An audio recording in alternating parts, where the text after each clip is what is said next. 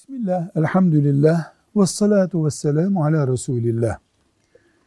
İstihare yapmak isteyen Müslüman kısaca şunu yapmalı.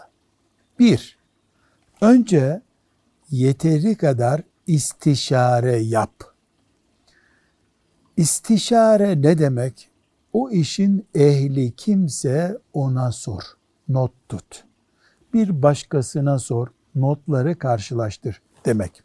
İki, abdest al. İki rekat namaz kıl.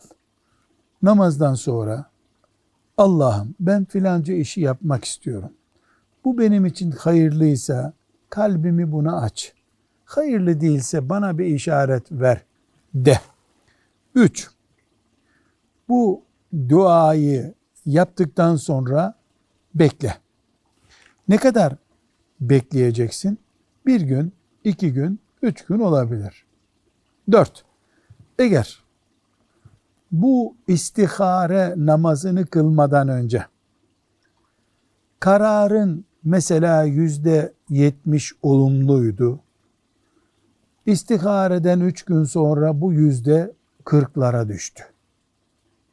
İçindeki yapma ihtiyacı. Veya tersi oldu.